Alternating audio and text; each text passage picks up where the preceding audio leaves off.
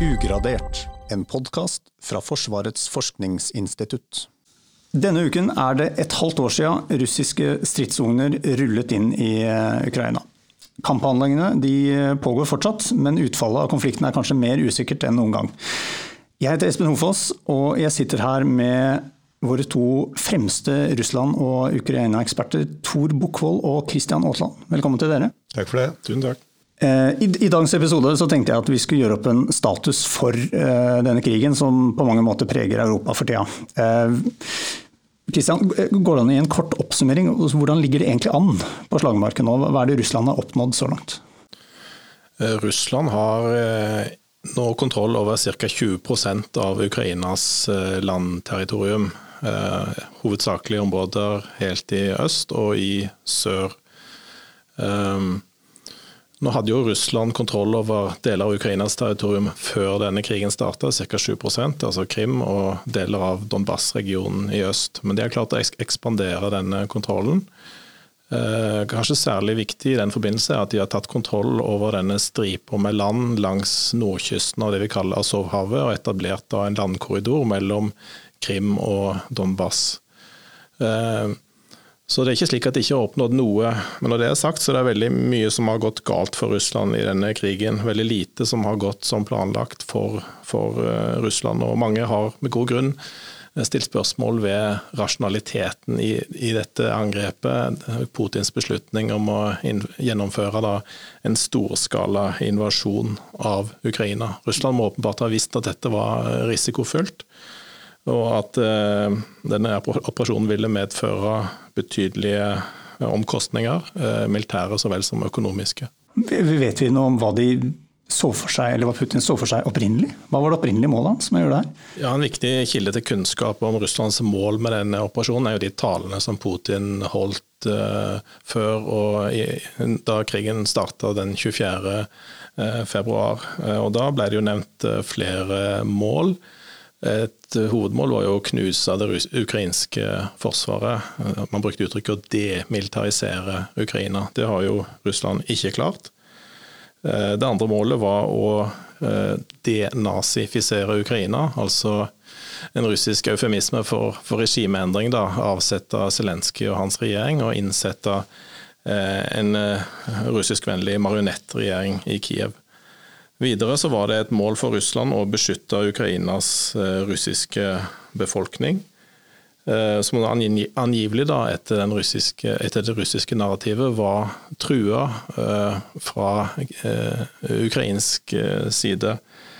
Nå er det jo tvilsomt om noen russere i Ukraina føler at deres sikkerhetssituasjon er blitt bedre etter 24.2 i år. Alt tyder på at den er blitt mye verre etter at Russland da i anførselstegn kom de til unnsetning. Viktig å huske på at en stor del av disse byene som er blitt angrepet, f.eks. Mariupol, eh, hadde jo før krigsutbruddet en stor etnisk russisk eller russisktalende befolkning. og De er jo òg blitt eh, ramma av de russiske angrepene. Eh, de er blitt drept, såra, drevet på flukt, og mange er blitt deportert mot sin vilje til, til Russland. Det fjerde målet som Russland hadde, var jo å hindre Eh, videre Nato-utvidelse. Og Der har det jo heller ikke gått som planlagt, snarere tvert imot. Nå vet vi at Sverige og Finland er på vei inn i Nato. Så summen av dette er jo at Russland på mange måter har oppnådd det motsatte av det de ønsker å oppnå. At de eh, for å si det sånn, har skutt seg sjøl i foten. Mm. Men er det noen eh, altså Dette russiske narrativet da, med at den russiske befolkningen i Ukraina var, var, var truet, altså finnes det noe som helst dokumentasjon på at det, noe, at det er noe hold i det? Ikke i den grad som, som, Russland har forsøkt å framstille det som, at de var utsatt for forfølgelse, undertrykkelse, ikke fikk bruke det russiske språk osv. Eh, men dette var noe som ble brukt fra russisk side for å legitimere denne operasjonen. En ting er disse opprinnelige målene som Russland eh, hadde, og hvor de da åpenbart ikke har eh, fått det til. Men hva er de mest den mest iøynefallende utviklinga de siste ukene i, i, denne konflikten? Ja, Nå har vi jo sett altså, det vi kan kalle en geografisk eskalering til Krim. Vi hadde jo dette ganske spektakulære ukrainske angrepet på, på den russiske flybasen som heter Novofedorivka, som ligger helt vest på, på Krim. Der masse russisk militær infrastruktur ble ødelagt. Betydelig antall russiske kampfly ble ødelagt. Dette kom nok som en veldig stor overraskelse på russerne, at ukrainerne satt med våpen som hadde en rekkevidde på mellom 150 kanskje 200 km, og at de var i stand til å ramme Krim, der Russland jo har følt seg trygge, egentlig. Eh, helt siden 2014, altså. Både den militære infrastrukturen som, som befinner seg der, og, og, de som, og sivilbefolkningen som bor der. De har jo følt seg trygge helt fram til nå. Eh, men nå har ukrainerne vist at de er i stand til å ramme også, også Krim. Men, men, er dette våpen Ukraina hadde fra før, eller er det noe som er et resultat av den vestlige støtten? Ja, det, Vi vet ikke helt som gjorde at det har eksplodert flere plasser på Krim. Det er, det er flere teorier. da. Det ene er at de har fått våpen fra vest som lenger, har lengre, rekke, lengre rekkevidde enn som har vært kjent før. Det andre er at det er spesialstyrker, altså at det, det, man har sendt inn folk til Krim som i samarbeid med folk på Krim har sprengt. Og det tredje er at Ukraina har brukt våpen de hadde fra før, på nye måter som gjorde at du har fått det her. Så eh, fremdeles noe usikkerhet rundt nøyaktig ikke det som har gjort at de eh, har lyktes med det. Mm. Eh, vi må snakke litt om, om, den russiske krigsmaskinen. I vest så fremstilles jo det her som at den er preget av korrupsjon, dårlig planlegging, lav kompetanse og rigid ledelse. Er det så ille som man kan få inntrykk av, Tor? Jeg må si at det er kanskje det som, noe av det som har overraska meg mest, er på en måte kaoset og rotet på russisk side. Eh, når Russland satte i gang sin store militærreform i 2008-2009, så var det med et formål om at man skulle lage en styrke som var mye mindre enn den tidligere store mobiliseringshæren.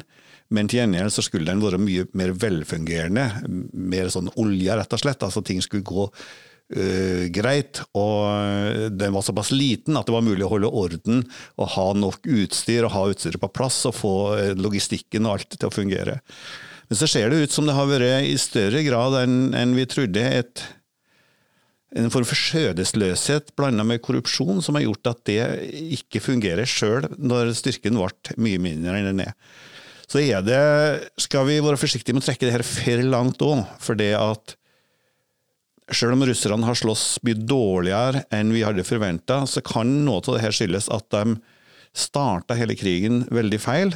Og det er på en måte en kjent sak fra krigshistorien at hvis du starter feil, så er det ikke så enkelt å ta seg inn igjen. altså, de gikk inn i Ukraina altfor lett. Fordi at de hadde regna med at Ukraina ville bare kollapse straks de kom over grensa. Så, og det er mulig, i hvert fall noen kilder hevder at det var FSB som på en måte la føringene for hvordan eh, det russiske forsvaret skulle eh, agere i den første delen av krigen, og at hvis det russiske forsvaret har fått valgt sin egen operasjonsplan mer, at man da vil ha starta krigen på en annen måte, og at det da kanskje, kanskje kunne gått noe bedre. Ja, hvordan kunne de gjort det annerledes da? Nei, Da måtte de gått inn i hovedsak mye tyngre til å begynne med. hvis du skal altså Målsettinga her var jo å ta kontroll over det meste til Ukraina da må du gå inn med, med, mye større styrker med en gang, ikke slette styrker som fort blir, eh, blir slått ut. Men hvorfor har ikke russerne hatt større suksess? Ja, det, det, er mange årsaker, men det, det, aller viktigste her er jo at de totalt undervurderte ukrainerne. Eh, nå er det ikke bare russerne som undervurderte ukrainerne, de fleste vestlige eksperter undervurderte ukrainerne. man kan til og med argumentere med at ukrainerne til, til en viss grad undervurderte ukrainerne. Så Ukraina, altså, den ukrainske kampviljen har jo vært Vi visste at den var ganske bra, men at den var så bra, eh, var vi nok ikke helt klar over. Så det, det tror jeg det er noe av det viktigste, at man eh, undervurderte motstanderen. Og så er det det som vi snakka om i tillegg, da, med, med, manglende system rundt omkring, og manglende orden innad i det russiske forsvaret. Og så er det en veldig viktig sak at Kampviljen har hele tida under krigen vært et problem på russisk side, helt fra starten og verre og verre utover i krigen. Og Det skyldes delvis det rotet som vi snakka om, men det skyldes nok også delvis det at mange av de russiske soldatene ikke fikk vite at de skulle i krig, de bare plutselig var i krig. Og det tredje at de gikk i krig med en sånn narrativ hjemmefra om at de nå skulle til Ukraina for å befri ukrainerne fra nazistene, og så kommer de dit, og så er det ingen nazister der. Så de skjønner at de har blitt løyet til over mange år hjemme, og det er også heller ikke bra for kampmoralen. Ja, jeg er enig i det Tor sier. og jeg tror at de, de, massive tapene som de russiske styrkene er blitt påført i disse seks månedene, de har jo fått mange til å spørre seg om vi i senere år har overvurdert Russlands militære evne. Altså gitt eh, det russiske forsvarets eh, tallmessige overlegenhet over det ukrainske, og gitt det faktum at Russlands forsvarsbudsjett eh, ved krigsutbruddet var mer enn ti ganger så stort som som Ukraina, så skulle man kanskje forvente at denne krigen skulle forløpe på en måte som var mer i tråd med Russlands forventninger. Uh, samtidig så er det ikke sånn at de svakhetene og sårbarhetene og strukturelle ubalansene som er blitt avdekka gjennom Russlands krigføring i Ukraina, uh, ikke har vært kjent for vestlige observatører. Vi har jo snakka mye og, skrevet mye om dette i, i senere år, og sentrale stikkord i den forbindelsen er jo personellmangel Eh, teknologisk tilkortkommenhet, eh, problemer på logistikksiden og manglende evne til å koordinere luft- og, og bakkeoperasjoner.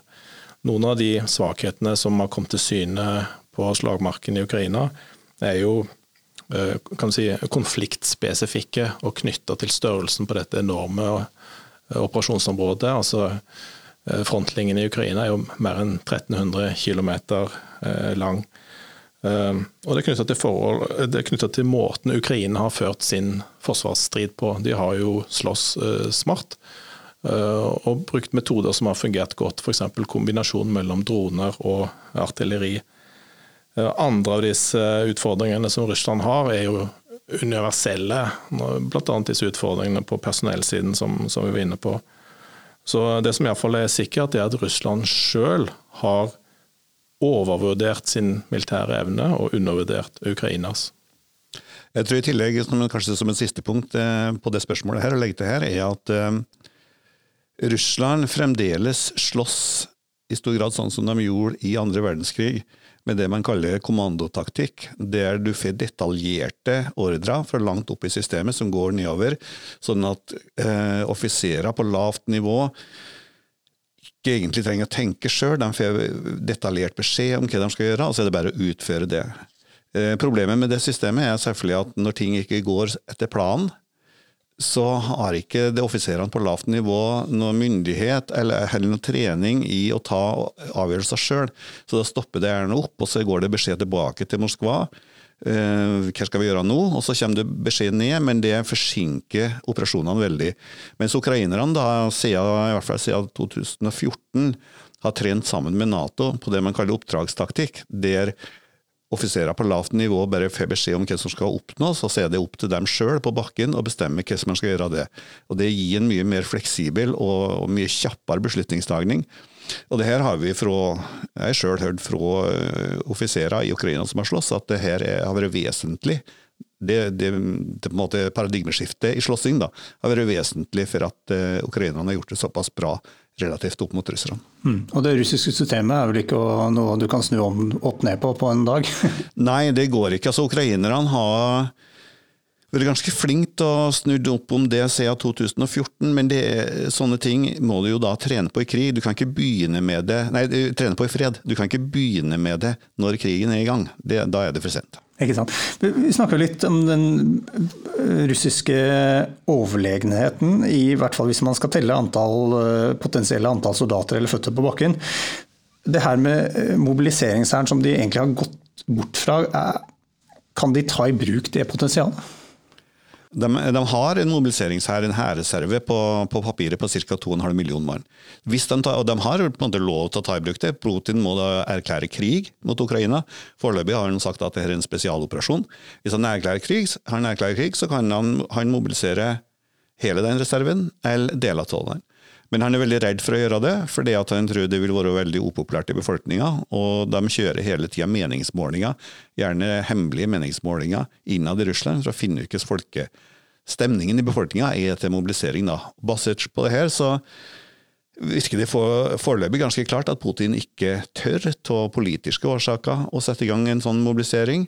Og så er det òg et spørsmål om, hvis han setter i gang en sånn mobilisering, ville det russiske vernepliktsverket og hele det mobiliseringssystemet faktisk klare å, å håndtere så mange mennesker på forholdsvis kort tid. Og det, Hvis man ikke gjør det, sånn at du setter i gang mobilisering som tillegg blir et fullstendig kaos, så vil jo det være veldig ødeleggende. Mm. Og vet vi noe om hva disse meningsmålingene sier? Altså Hvordan er den russiske kampviljen? Vi har ikke sett gode tall på det, men uh, det er vanskelig å si det i prosent. Men er ganske sikre på at det er liten stemning for mobilisering uh, generelt i Russland, spesielt i byene. Og veldig mange rapporter fra krigen i Ukraina, fra fronten, tyder på at kampmoralen eh, har vært dårlig hele tida og blir gradvis svekka. Det er veldig mange som ikke vil slåss mer, som prøver å komme seg tilbake til Russland. Og det Jeg leste senest en uttalelse i går fra en eh, soldat fra det private russiske eh, militærselskapet Wagner, som sa at eh, vi har plenty av ammunisjon, problemet er at folk vil ikke slåss. Ja, nei, Det er jo sikkert gode grunner til at Russland, til forskjell fra Ukraina, da, ikke har gjennomført en, en full uh, mobilisering. Og Det har å gjøre med at uh, det ville vært uh, upopulært. Et annet moment er jo at hvis man da skulle gjennomføre en full mobilisering, så vil det jo ta tid før disse er Eh, klare for å settes inn eh, på frontlinjen i Ukraina. De må jo da trenes opp og utstyres og organiseres og transporteres dit, og det vil ta tid.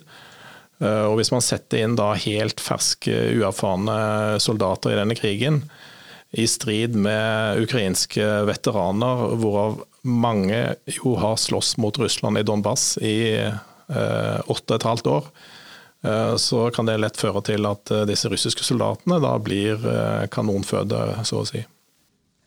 Ifølge FN så er det jo minst 5000 sivile ukrainere som er drept, og ca. 7000 såra. Kan vi si noe, altså Hva slags humanitære konsekvenser har den konflikten her hatt så langt? Altså De humanitære konsekvensene av denne krigen er jo enorme. Millioner av ukrainere er jo blitt eh, drevet på flukt. Man anslår at mer enn hver fjerde ukrainer er blitt drevet fra hus og hjem, eh, enten internt i Ukraina eller utenfor landets grenser. Så til sammen mer enn 13 millioner mennesker som da er enten internt fordrevne eller har forlatt uh, Ukraina. Og Det er òg et håndteringsproblem. Hva gjør du med disse internt fordrevne i Ukraina? Uh, de materielle ødeleggelsene i Ukraina er jo enorme, uh, særlig i øst og sør. Vi har jo sett disse forferdelige bildene fra Mariupol, eh, denne havnebyen som var beleira i ukevis. Og som omtrent ble lagt i grus av russisk bombardering med artilleri og, og, og flybombing. I de områdene som nå er okkupert av russiske styrker, så har det jo vært eh, forferdelige overgrep eh, på sivile, eh, krigsforbrytelser. Så de som bor i de russisk-kontrollerte områdene i øst og sør, opplever daglig vilkårlig maktutøvelse fra de lokale myndighetenes side og fra de russiske styrke, styrkenes side. Eh, omfanget av krigsforbrytelser eh, i Ukraina er jo helt eh, enormt. da.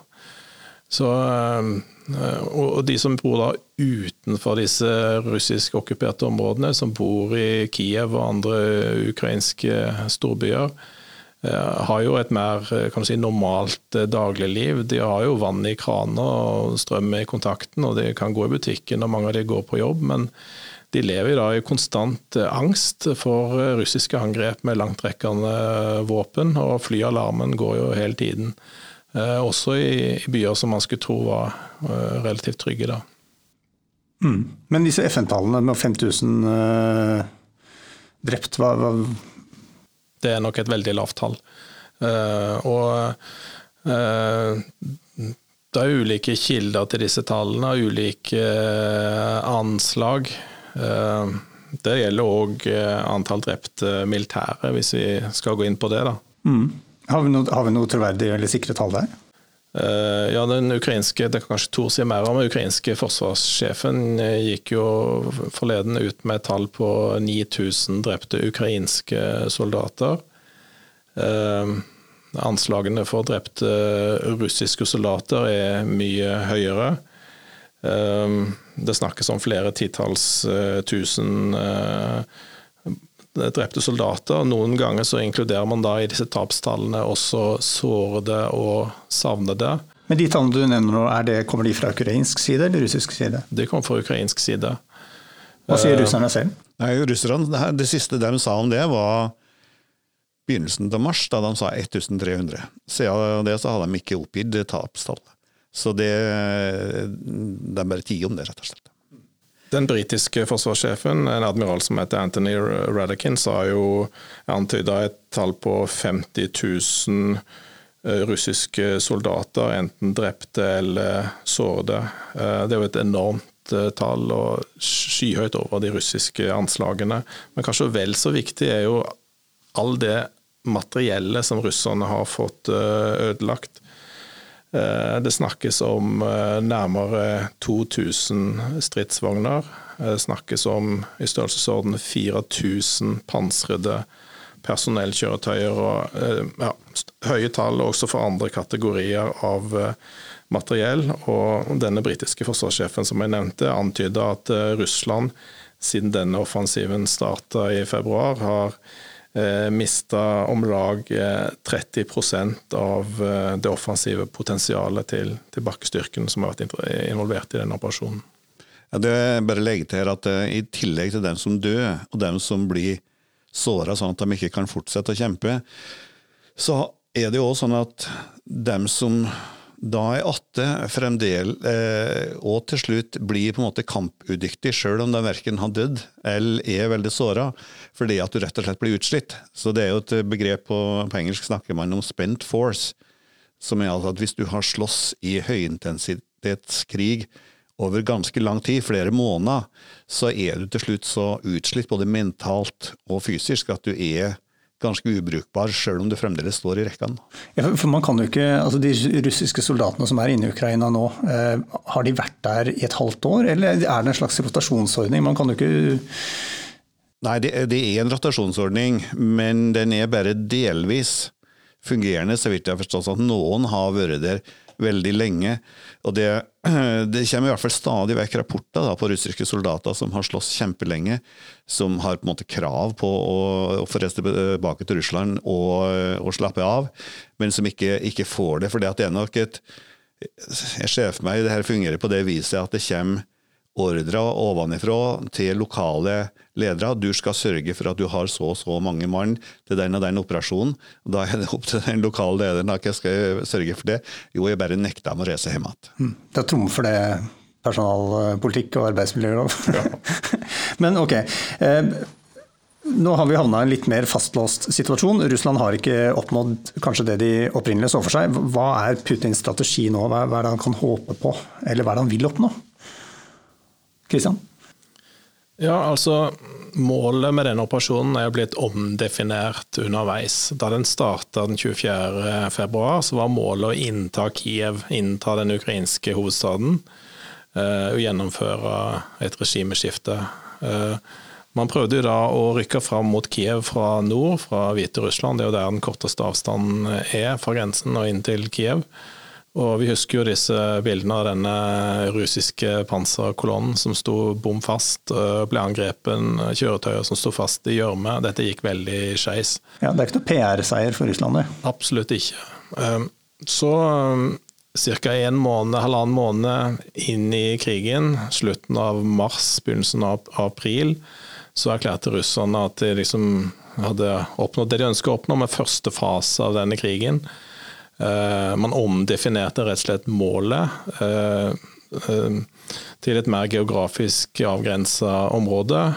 og man begynte å bruke begrepet Donbass frigjøringsoperasjon. Altså man konsentrerte styrkeinnsatsen mot Øst-Ukraina og Sør-Øst-Ukraina.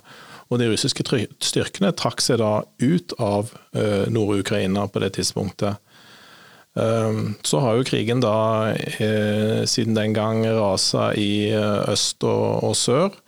Russland har hatt en del framgang i Donbass. Uh,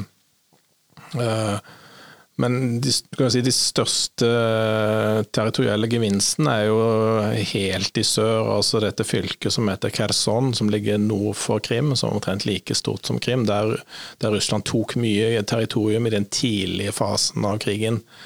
Og Det er jo det ukrainerne nå prøver å ta tilbake, eh, bl.a. gjennom å omringe de eh, russiske styrkene som, eh, som befinner seg der. Og Der har du òg byen Kherson, som kanskje er en av de største byene som Russland har har kontroll over, og som fortsatt er intakt. altså Til forskjell fra Mariupol og Kharkiv, så er den ikke lagt, lagt i grus. da.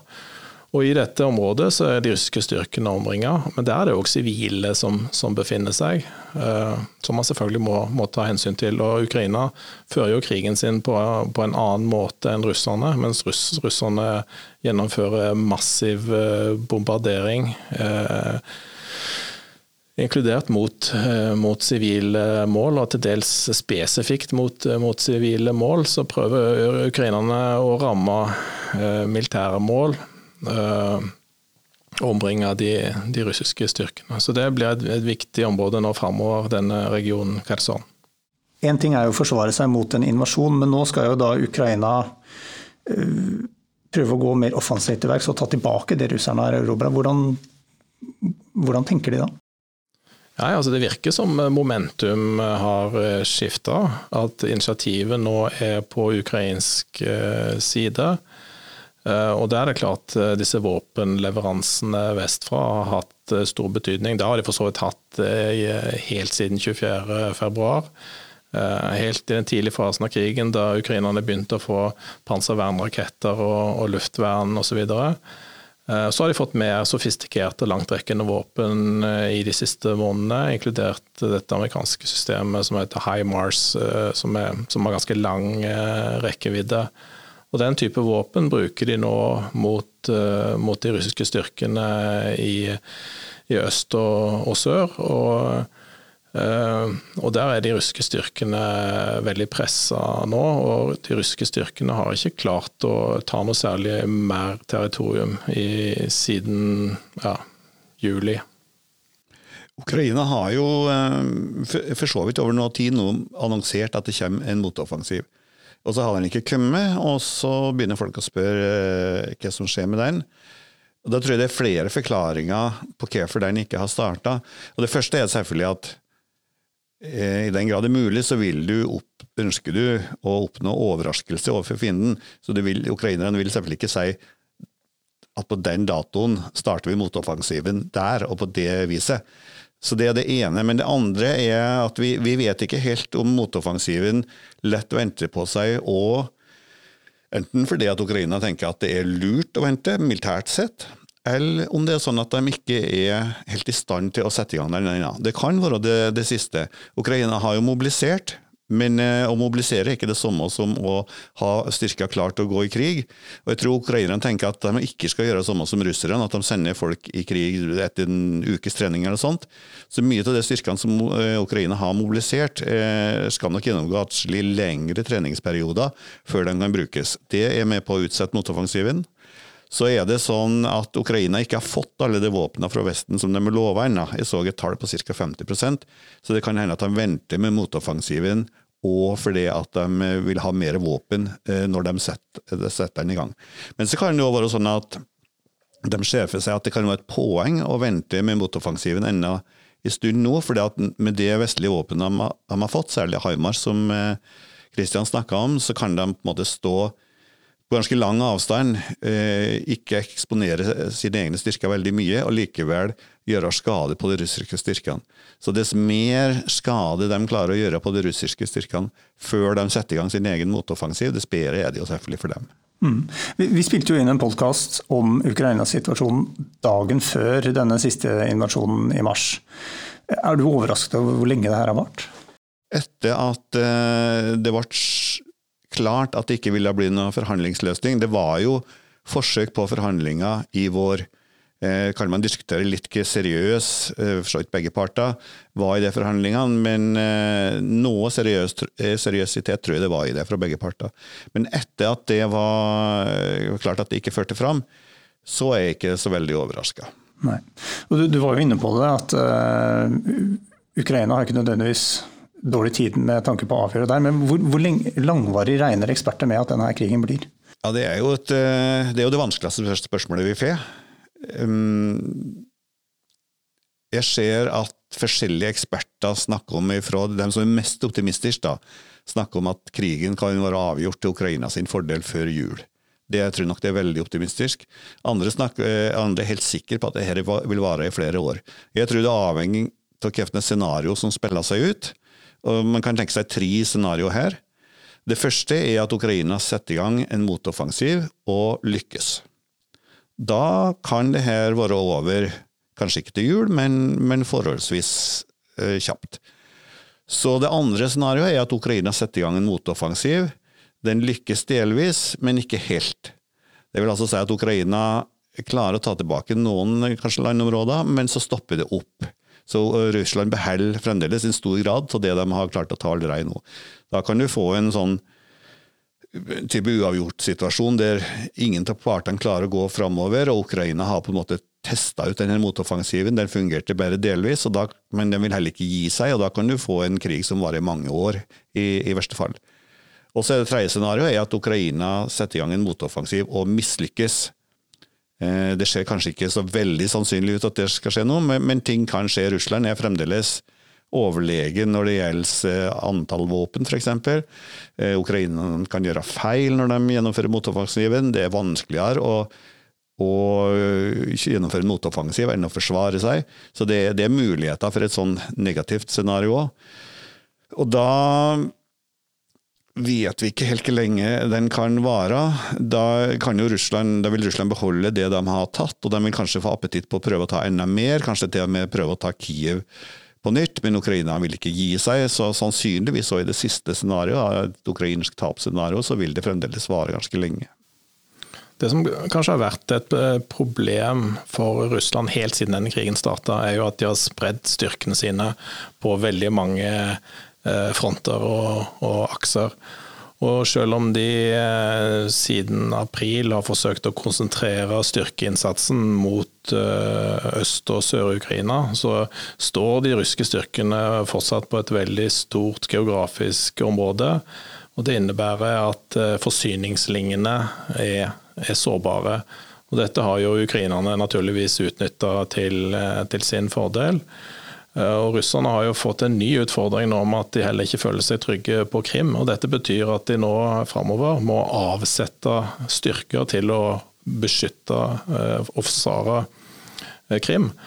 Og De styrkene må de òg ta fra steder. så Dette vil jo potensielt kunne gi ukrainerne en, en gevinst. og Vi ser nå at Uh, Russland trekker styrkene sine på Krim enda lenger innover uh, på halvøya. Og at eh, de russiske marinefartøyene som opererer i Svartehavet, opererer ganske nært kysten. For ukrainerne har jo demonstrert at de er i stand til å ramme disse. Og Det var jo spektakulært dette angrepet som var i april. da da ukrainerne senka Svartehavsflåtens eh, flaggskip, denne krysseren eh, Moskva. Det var jo òg noe eh, som, som, var en viktig sånn, symbolsk seier, i likhet med at Ukraina tok kontroll over denne Snake Island, denne slangeøya, da,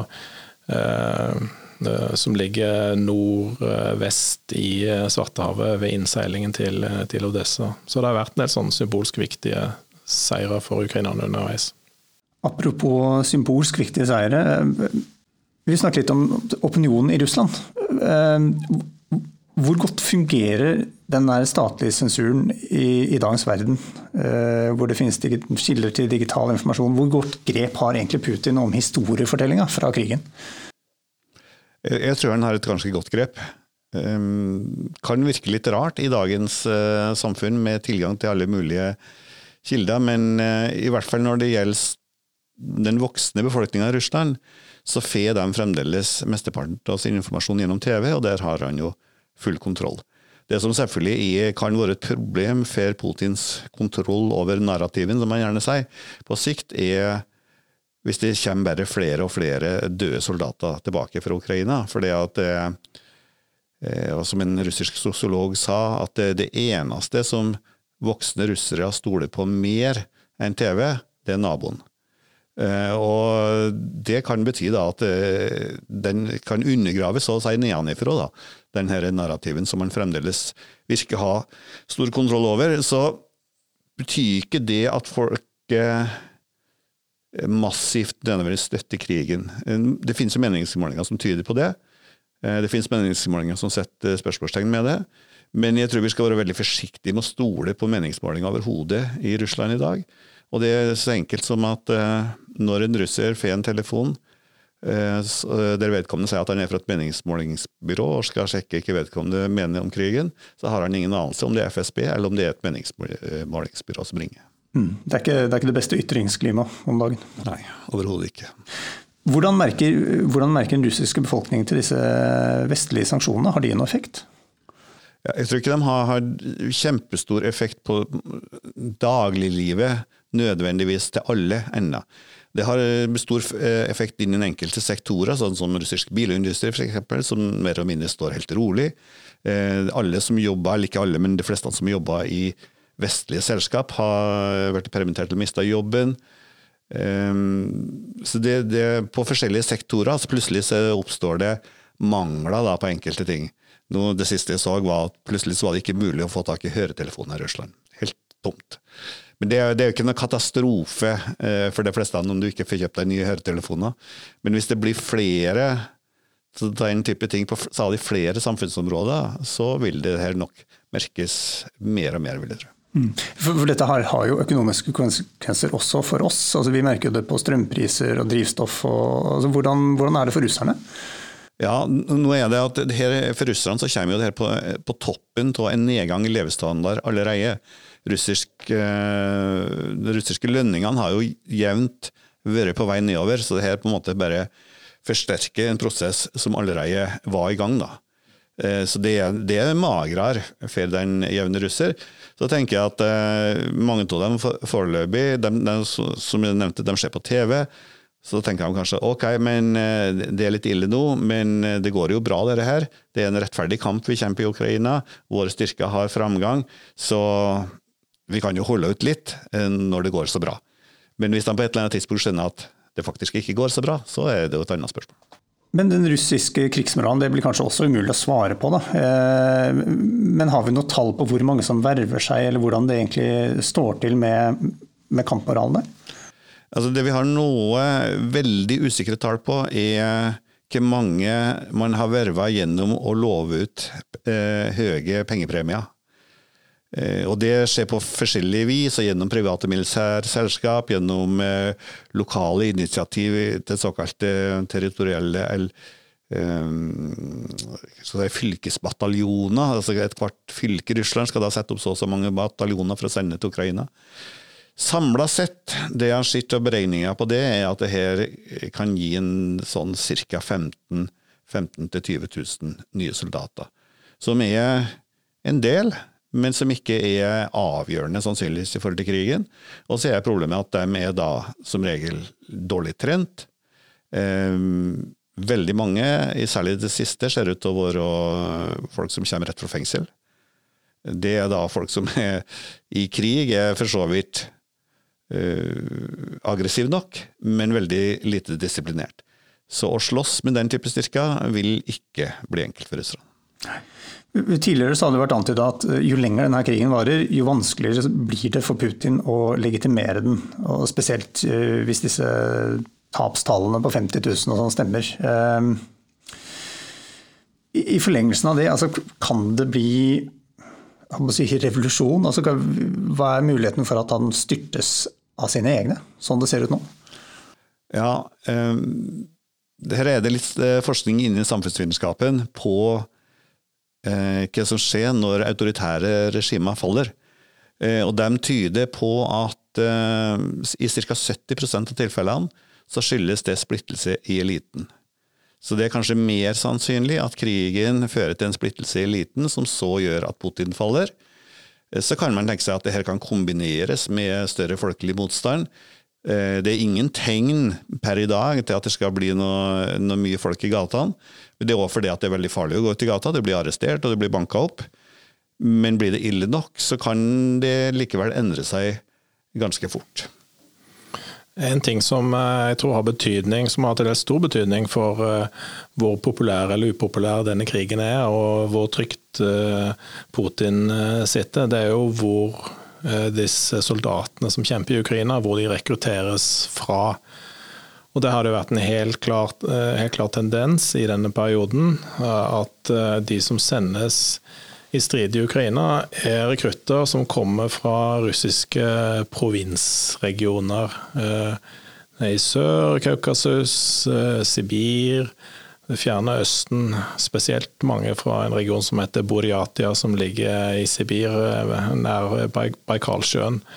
Eh, også fra Kaukasus, eh, Dagestan, Tsjetsjenia og andre regioner. Og, og, disse rekruttene betrakter man da som expendable, altså de kan brukes uten at det Eh, skaper veldig stor oppstandelse i Russland om de såres eller, eller dør i strid. Eh, hvis man da skulle gjennomført en storstilt innkalling av rekrutter eh, fra de russiske storbyene, fra Moskva og St. Petersburg, så betyr det at da måtte man rekruttert i et annet segment av befolkningen. Da ville også Eh, gutter med middelklassebakgrunn, med urban bakgrunn, eh, måtte bære sin del av eh, byrdene ved denne krigen. Og det ville nok gjort krigen enda mer upopulær enn den er i dag. Altså, lett å si nå at det faktisk skjer, da, at Putin mister makta på et eller annet vis. Enten ved elitesplittelse, eller ved et folkelig opprør, eller ved en kombinasjon. Så tror jeg de aller fleste eksperter vil si at sjansen for at vedkommende som tar over skal være en liberal, provestlig person, er veldig liten. Og det her skyldes jo blant annet at bak Putin så står det en ganske betydningsfull russisk elite som har tjent seg veldig rik på det systemet som Putin har bygd opp. De har ikke lyst til å miste sin rikdom, de har ikke lyst til å miste sin makt. Så det er sannsynlig at det vil komme en person fra noenlunde samme bakgrunn, kanskje, eller med noenlunde samme meninger. Men det vil likevel være en forskjell i at det vil være en person som ikke starta krigen. Så vedkommende vil da, i hvert fall hvis krigen går dårlig, så vil han kunne ha et annet mandat enn det Putin har, for å gjøre noe med det. Mm. For hva, hva, vil skje hvis Putin skulle ende opp med å tape denne krigen? Kan han komme ut av det med æren og ansiktet i og for så vidt internt? Jeg tror i hvert fall det er en ganske stor sjanse for at det da er over for han. Og da er nettopp den elitesplittelsen jeg snakka om, tror jeg da vil slå inn. Og, og da, Det vil òg da være et enormt behov for å ha noen å skylde på. Og, og, og, her, Putin er jo den du kan skylde på, for det var han som starta det. Så når du som Putin har bygd opp et politisk regime som er så maktkonsentrert rundt én person, så har du samtidig tatt på deg et enormt ansvar. Så hvis det går skeis, så er det veldig enkelt å peke på den som har skylda. Mm.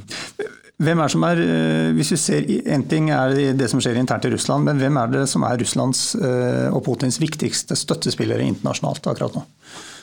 Ja, Den klubben er liten. Eh, den viktigste vil nok de fleste av seg likevel er Kina, som har vært ganske klar i sin støtte, men i all hovedsak da verbal støtte.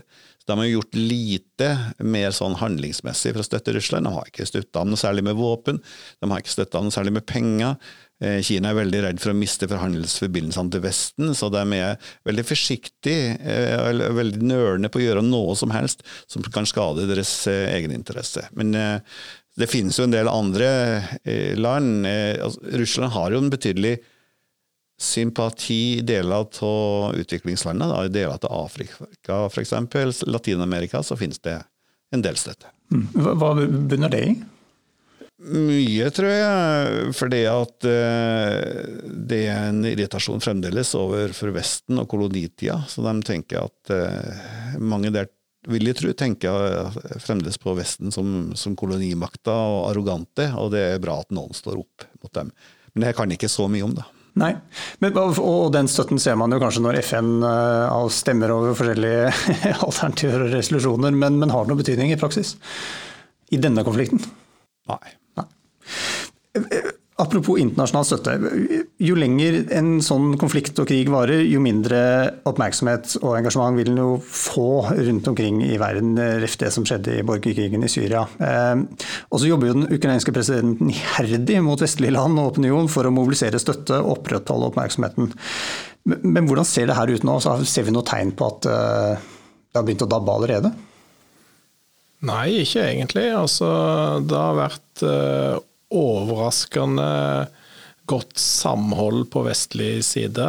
Eh, eh, særlig i spørsmålet om sanksjoner mot eh, Russland. Det er ikke tegn til at det er noe som vil opphøre med det første. Når det gjelder våpenleveranser til, til, Ukraina, så har jo de økt i omfang og, og antallet land som sender våpen til Ukraina har jo økt. Det begynte jo med en håndfull eh, land eh, rundt krigsutbruddet, og så har det jo økt til et tredvetalls land, deriblant Norge, som nå sender våpen til, til, Ukraina. Nå er det ikke slik at alle EU-land sender våpen til Ukraina. Uh, Ungarn f.eks. er et unntak som, som, kanskje er verdt å, å, å merke seg. Men på sikt så klart det vil jo være en risiko for, eh, for si, krigstrøtthet på, på, på, vestlig side. Vi bruker jo ressurser på dette her. og eh, Resten av verden òg betaler jo en, en, pris eh, for disse sanksjonene og, og våpenleveransene til, til, Ukraina, men holdningen på vestlig side generelt er jo at dette er, er verdt det. da. Mm. Senest denne uken her så ble det jo klart at Norge og Storbritannia skal donere eh, såkalte mikrodroner hvert 90 millioner. Det er en dråpe i havet, kan du si. Men hvor mye har, har disse vestlige og amerikanske bidragene til Ukraina hatt å si for det som skjer på slagmarken? Det har hatt veldig mye å si. Helt avgjørende helt fra den tidlige fasen av krigen, og eh, kanskje enda mer, enda mer viktig i i dag. Nå er det jo noen land som har levert mer våpen enn andre. Det er jo USA, Storbritannia, Polen. Eh, tre land som har sendt veldig mye våpen til, til Ukraina. Eh, men de fleste vestlige land, aller fleste EU-land, eh, nordiske land, alle disse landene er med på, på, denne, på denne dugnaden. Eh, og det har vært avgjørende for krigens forløp. Det har vært avgjørende for Ukrainas evne til å motstå uh, russisk aggresjon, forsinke uh, og til dels stanse den russiske frambrykkingen. Og det har vært avgjørende for uh, Ukrainas evne til å gjennomføre motoffensiver mot de russisk kontrollerte områdene, som de jo har gjort en del i, i det siste. Da. Det som Kristian eh, sier her, det er veldig viktig. og Det er et godt eksempel da i artilleri, der Ukraina, der lagrene begynte å tømmes i stor grad, før de begynte å få vestlig artilleri. Og Der har det vært sånn at Ukraina i veldig liten grad produserer sin egen artilleriammunisjon. Sånn at det her gamle sovjetiske artilleriet, som de har på en måte eh, utskytingsrampene, kan du si, eller de har selve artilleriet, men de mangler ammunisjon. Uh, det her var noe ukrainerne egentlig har visst veldig lenge, og jeg vet at det, en, det har vært en debatt over mange år om at man burde sette i gang og produsere sin egen ammunisjon, for det ville bli et problem hvis det ble krig, men så var det ingen som trodde at det ble krig. Så derfor så gjorde de ikke det. Og det har, eh, det har jo straffa seg veldig nå, da, og derfor har det vært enormt viktig at de har fått vestlig artilleri. Mm. Og Så langt så har jo konflikten foregått i, eh, på vår og sommertid. Historisk sett har årstid mye å si for uh, tradisjonelle kriger. Hitler bl.a. gikk jo på en smell i uh, omtrent det samme området. Vil det at vi nå går inn i høst og vinter kunne påvirke konflikten på noe vis? Ja, det vil kunne ha en betydning. Uh, terrenget blir jo mindre framkommelig når det blir gjørme, det legger seg snø og is. Og dette kan ha betydning for, for krigens gang. da. Men hvem er det som eh, Er det en fordel for noen? Ja, det var det jeg satt og funderte litt på. Hvis det er slik at ukrainerne planlegger en storstilt offensiv, så, er det lurt å komme i gang med den før, før vinteren. da. Samtidig så er det òg fordeler ved å vente og bygge opp styrker. Få inn flere våpen vestfra. Men mens man gjør det, så vil òg Russland på sin side bygge opp, eh, opp, styrker. Så her er det mange ulike hensyn. Men Det er nok sånn at, som Kristian sier, at den eh, gjørma, eh, når den kommer, eh, og den kommer jo både om høsten, men særlig om våren, er verst for den som skal bevege seg over lange avstander. Altså den som skal gå til angrep for et større problem med gjørma enn den som sitter i noenlunde faste stillinger. Og Det var jo noe som var en fordel for Ukraina i vår, men som kan bli et problem for Ukraina hvis det er noe dem som skal bevege seg over større avstand. Dette så vi veldig tydelig da krigen starta i februar. Da var det jo fortsatt eh, vinter. Eh, og vi så disse russiske panserkolonnene som sto fast i gjørma helt nord i Ukraina. Nå er det veldig forskjell på Nord-Ukraina og Sør-Ukraina. Eh, I Sør-Ukraina er det jo tørt, det er mindre gjørme enn det er i nord. Og Det var kanskje noe av grunnen til at uh, de russiske styrkene hadde såpass uh, suksess i den tidlige fasen med å ta uh, dette landområdet nord for Krim, i tillegg til at det var logistisk sett enklere når de kunne operere fra, fra Krim. da. Tor, under et arrangement i Arendalsuka nylig så sa du at et slitent Russland er et nervøst Russland. Og da tenker jeg sånn, Bør vi være redde? Altså, hva, hva, er faren for overilte beslutninger eh, fra den kanten?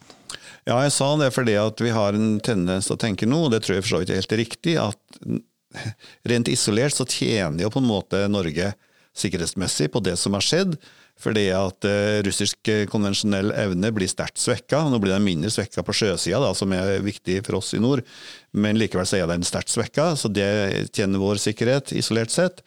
Eh, hvis noe som det ser ut til, at Sverige og Finland blir medlem av Nato, så hjelper det vår sikkerhet. Så, så det ser egentlig ganske bra ut for oss. da. Men eh, jeg tror det er likevel et poeng at et, et militært, og særlig et konvensjonelt militært svakt Russland, hvis det fremdeles har som, det samme dårlige forholdet til Vesten som det har nå, så vil det være veldig sånn, litt sånn angstbitersk og nervøst, og det kan øke faren for miskalkuleringer på russisk side. Og vi har jo òg i Ukraina-krigen sett hvordan man i Krim klarer å danne seg virkelighetsbilder som er veldig langt fra virkeligheten.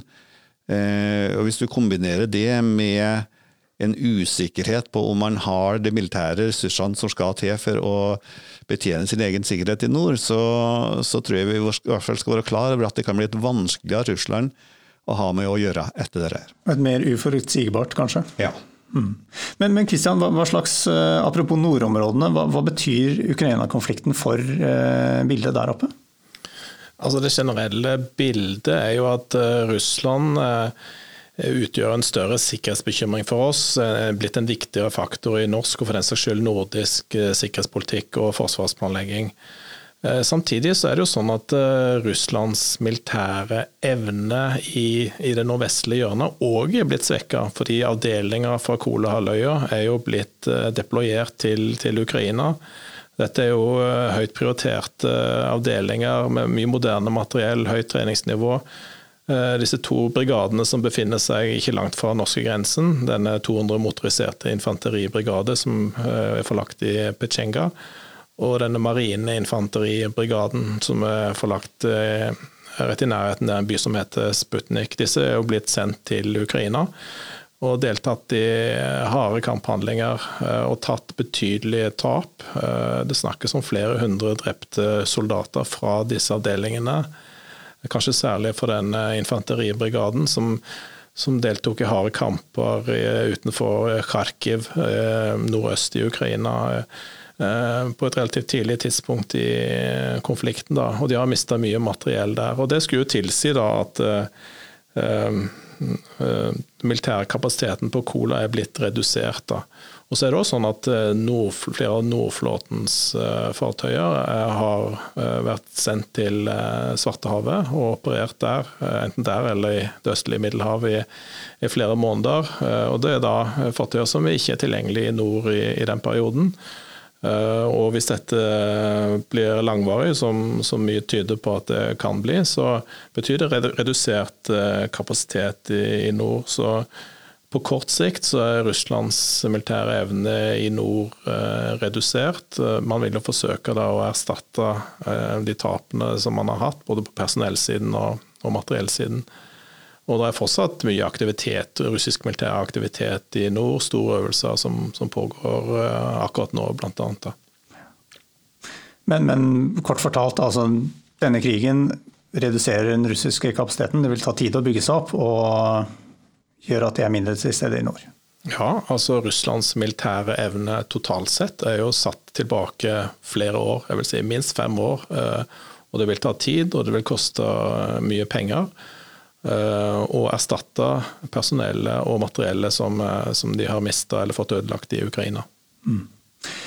Vi nærmer oss slutten her. Eh, Tor, i stad var du inne på tre forskjellige scenarioer for hvordan dette her kan utvikle seg videre. Men hvordan ser vi for oss en eventuell avslutning på denne krigen? Altså, Hvilke veier er det ut av det her? Foreløpig er det vanskelig å se for seg en forhandlingsløsning. Eh, og det er rett og slett fordi at du har Begge parter tror fremdeles at de kan oppnå mer med å bruke våpen enn med å gå til forhandlinger. Og så er stridsspørsmålet et enten-eller i stor grad, fordi at Russland har sagt at Ukraina har ingen rett til å eksistere som egen stat. Det er de fleste ukrainerne sterkt uenig i. Og det er, Når man står så langt fra, andre, langt fra hverandre på så grunnleggende spørsmål, så er det fryktelig vanskelig å, å se for seg en forhandlingsløsning. Derfor så tenker jeg nok at Per i dag så ser det ut som en militær løsning er det mest sannsynlige, og det som vi har vært inne på, kan ta flere år. Og så vil vel en militær løsning òg innebære en forhandlingsløsning til slutt. Sannsynligvis. Men eh, jeg tror vi er ganske langt unna det ennå. Hvem vinner? Jeg tror at uh, nesten uansett hvem som vinner på en måte slaga og den militære krigen i Ukraina, så er det langsiktige, strategiske bildet at dette er et kjempetap for Russland. Det får bli eh, siste ordet i denne omgang. Tusen takk for at dere tok dere tid til å svare, Tor og Christian. Og ikke minst eh, takk til alle dere som har hengt med hele denne timen vi har holdt på.